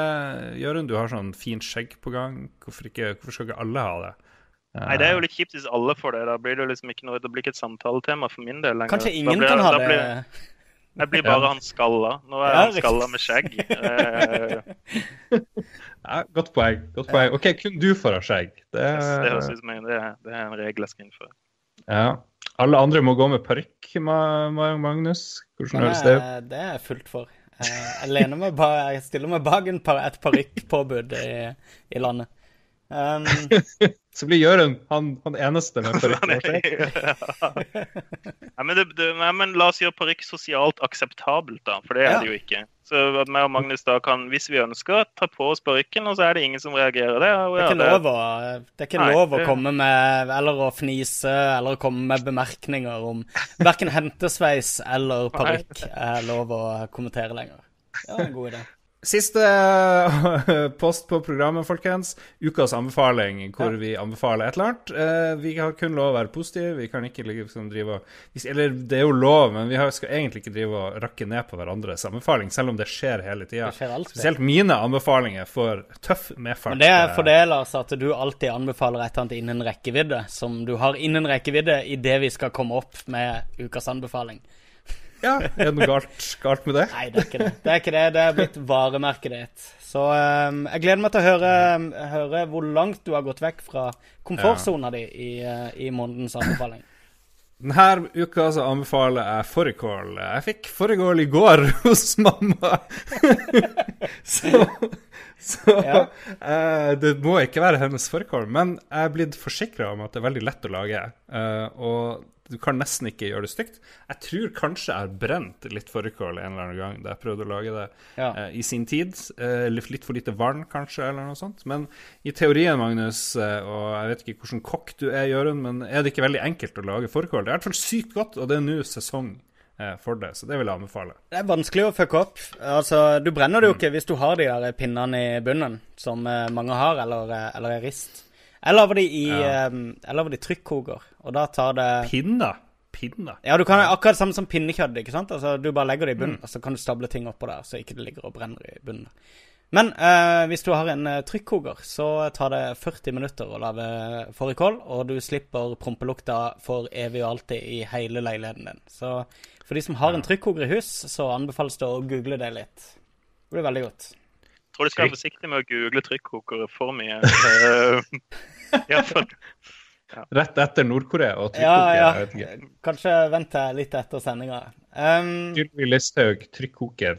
Men fårikål er digg. Um, jeg var på nippet til å kjøpe fårikål nå i helga, faktisk. Det var det eneste kjøttet de hadde inne på butikken, og jeg var supersulten. Og jeg går og gleder meg til å lage det. Men jeg, jeg har en tendens til alltid å forspise meg på fårikål. Og da går det fra ja, å være ja. supergodt til å bare bli døden. Det er, det er uh, ingenting som er verre enn å forspise seg på fårikål, tror jeg. Ja, fordi det er så, det er så lett. Det bare, alt bare sklir ned, ikke sant. Fårikålen er jo ikke kål, den er jo bare en masse, ja, ja, og så videre. Og kjøttet bare detter av beina, og så bare whoosh, men jeg fikk et godt tips, eh, fordi jeg drev og spiste fårikål mens jeg streama den der eh, latterlige streamen eh, tidligere i dag av ja. Nidog. Og da kom det tips om at hvis du spiser uh, pepperkornene, tygg dem, så får du ikke mageknip. Ja. Breaking news, har du hørt det her, Magnus? Det, ja. det høres ut som noe man forteller hverandre. Når mamma sier. Ja, altså du får, du får, sikkert vondt i maven fordi at får, det kommer gasser fra kål. Jeg tror, jeg tror, det er så enkelt. Og så fiser ja, du som en gal av det. Ja, men Det er veldig bra. Det er noe av det beste med fårikål, er at du går og promper med god samvittighet. Og ingen merker noe, for hele huset ditt lukter promp fra før.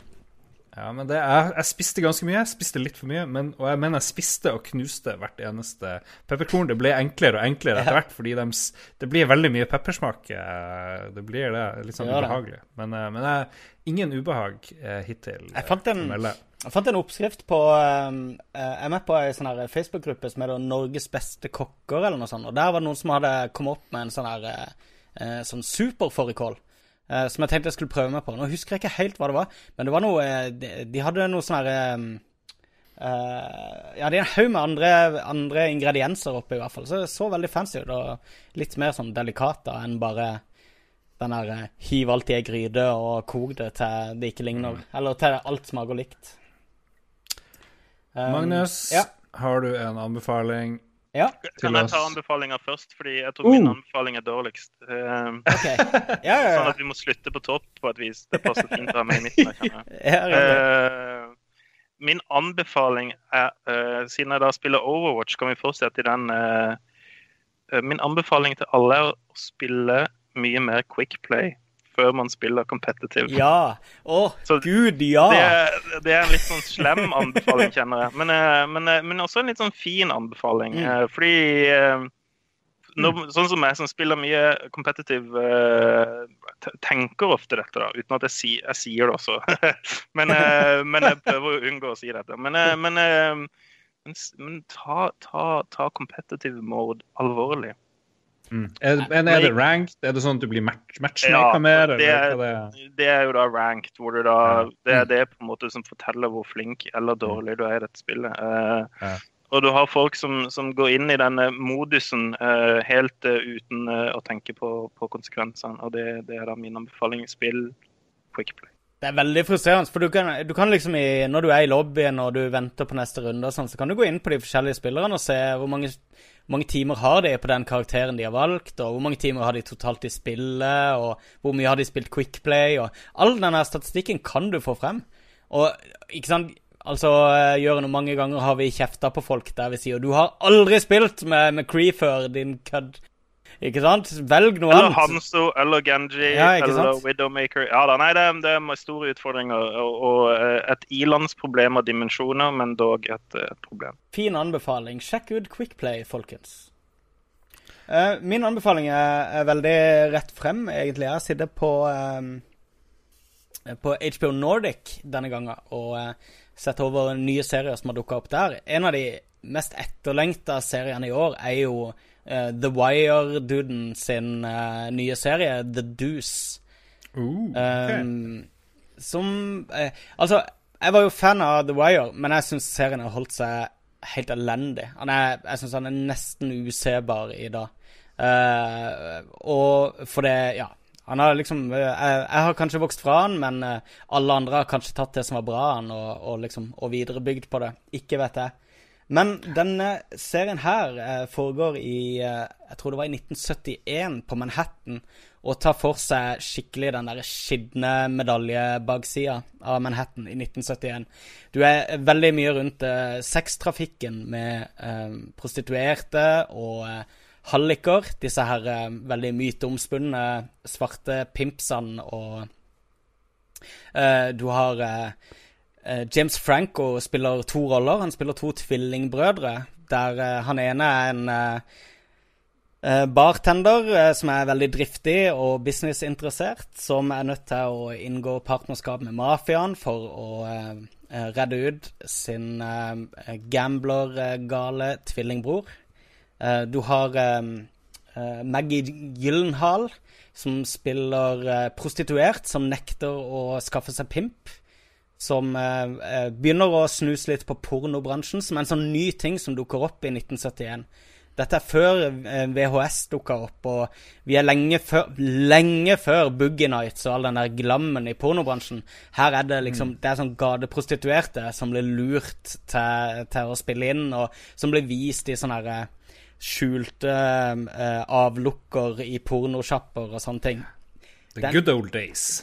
Good old days. Uh, I tillegg så har du liksom politi og Altså uh, Og akkurat som i The Wire så får du på en måte Du får uh, fortalt hele historien gjennom øynene til veldig mange deltakere da, fra alle samfunnslag. Og du får en, et veldig sånn helhetlig bilde av alle aktørene i dette markedet. Og, det høres litt kjedelig ut. Det er, det er veldig kult, fordi det at er så Det er veldig gritty, men så har de også tatt i bruk veldig mye sånne eh, teknikker som du ser på film fra 70-tallet. Så du har veldig lite sånn score-musikk, mm. og det er, veldig, det er, veldig, mye sånn stille, lange scener, og eh, um, Det er litt som mm. å se Taxi Driver at night, basically, hvis du kan se for deg det.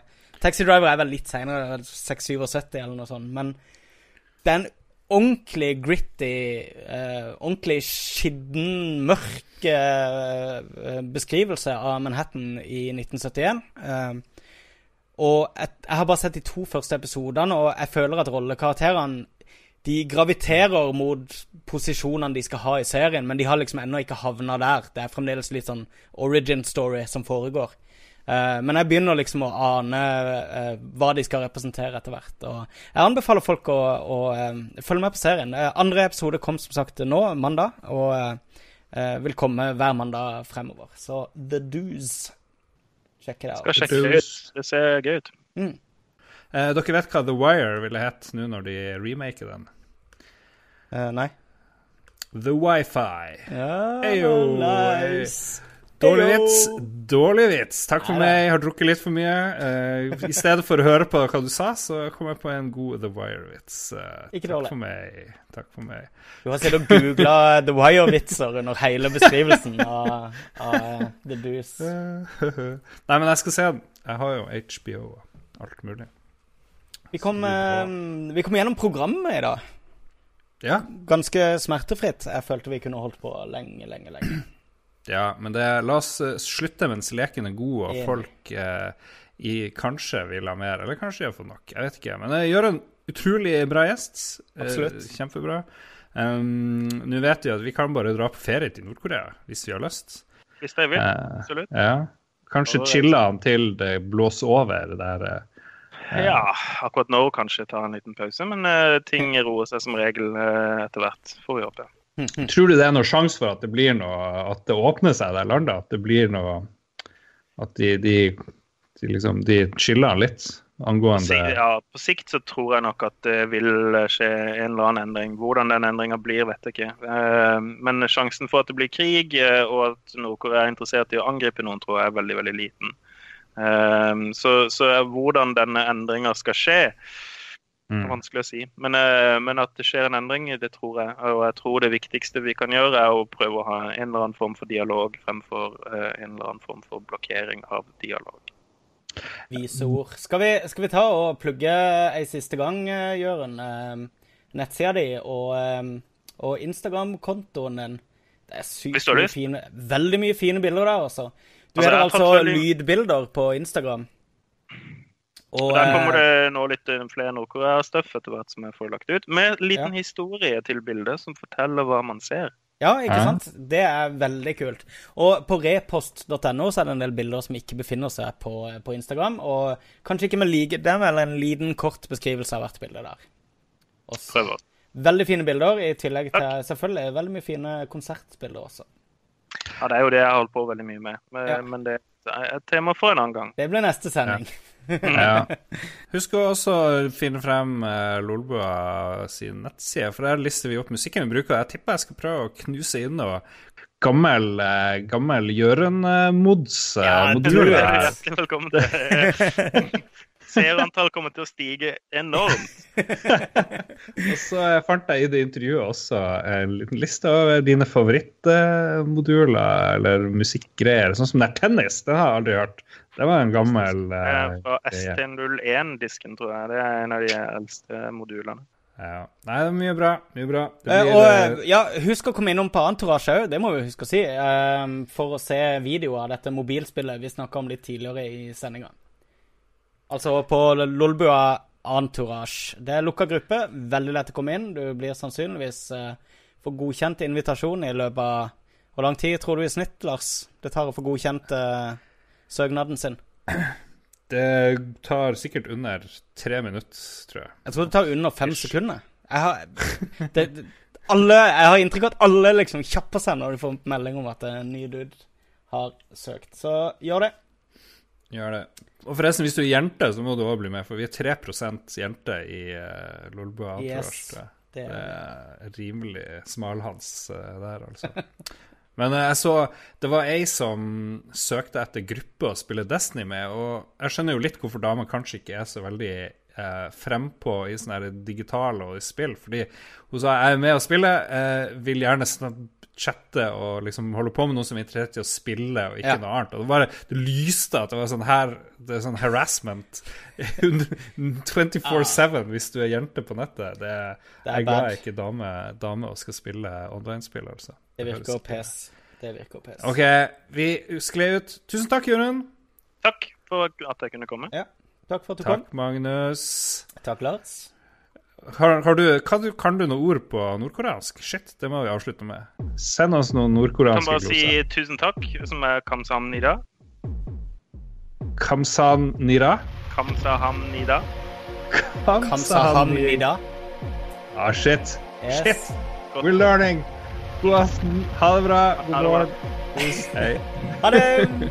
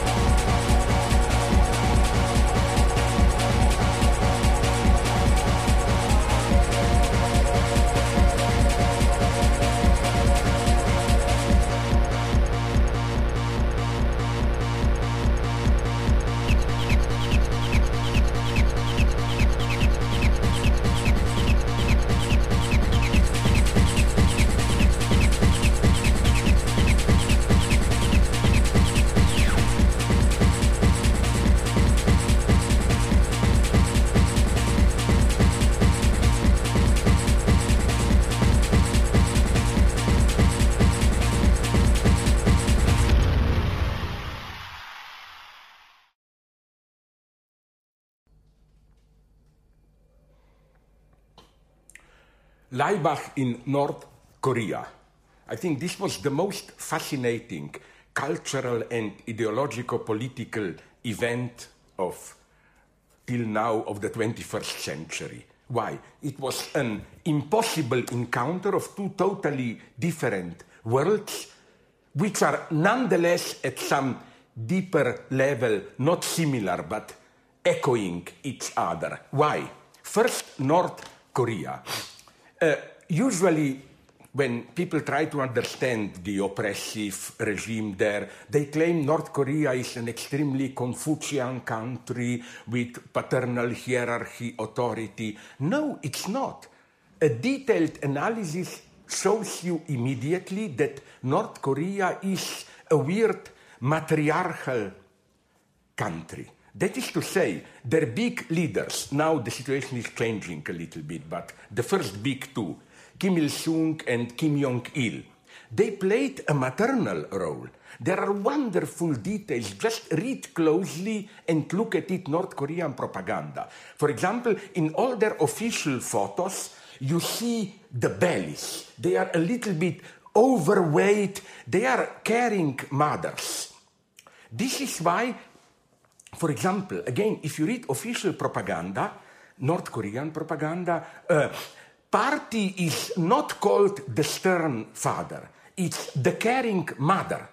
One of the most obscene political songs is one of the most popular North Korean official songs, which goes like this People cannot survive without contact with North Korean Workers' Party, their caring mother, sucking eternally the breasts of their mother is what keeps the people alive and so on. And that's a wonderful lesson also to some naive feminists of how the true totalitarian regime is maternal in its structure. It's not a severe paternal, disciplined body, but it's a caring mother who can be, of course, extremely brutal, but nonetheless it's a caring mother. The second thing which I find fascinating about North Korea is that in a transition from real socialism to whatever they are now, it's, as far as I know, the first post communist, communist, whatever you call it, regime which directly rehabilitated religion, not quite openly, but half openly. For example, with Mao, Stalin, they were celebrated, idolized, but still no supernatural uh, properties were attributed to them. While in North Korea, they are talking more or less in the terms of miracles. Like when Kim Jong il died, the idea was even the birds descended down to mourn his death, and so on and so on. And also, it's directly. Uh, a regime of, uh, uh, of uh, royal succession, son follows father, and so on and so on. It's something quite unique. But I think that as such, North Korea is not simply a remainder of some past. Such, let's call it maternal totalitarian regime, is something ultra modern, even post modern. It's one of the specific versions or attempts to deal with the deadlock of today's post patriarchal, uh, uh, permissive, whatever we call them, global capitalist society. It, you can understand North Korea only in reaction to South Korea or in reaction to today's global capitalism. So, where does Laibach enter here? Quite often, libertarian leftists were embarrassed by Laibach. On the one hand, of course, they had to support Laibach, but they were very uneasy about uh, how to take Laibach. Like their primordial fear, which is for me the first sign that they didn't understand anything about Laibach, was to claim that Laibach is a great ironic spectacle of subtly mocking, making fun of uh, authority and so on. But then, almost always, in my experience, I experienced this with my leftist friends. They added a worry. But what if people will not get it properly? What if people will take Laibach too seriously and perceive or rather misperceive what is their ironic spectacle as real celebration of totalitarianism. No, I think things are much more complex here. Laibach is not simply making fun of totalitarianism. Laibach is bringing out, let's call it the authoritarian feature which is present in all societies, even in the most democratic societies. Because let's take a liberal society where officially the power legitimizes itself in a pure contractual terms. A democratic power says, we just, our power is limited, we have to remain within the constraints of the law. We are simply, we, political power, people hired by voters to do a certain job. And that's our limit. Even if the power legitimizes itself in these terms, there is always, in a subtle way, between the lines, another message, which is, but basically, we can do whatever we want. We are fully sovereign. Our power is limitless. So, again, this tension is irreducible to political power. And I don't think we can simply get rid of it.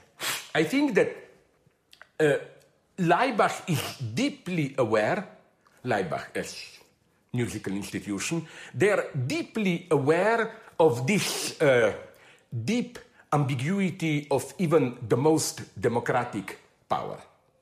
And they are trying to bring this authoritarian streak out, even with a certain open fascination. There is no distance there. They are not making fun of it. They openly enjoy it. So uh, that's the traumatic message of Leibach. Staging the real of power.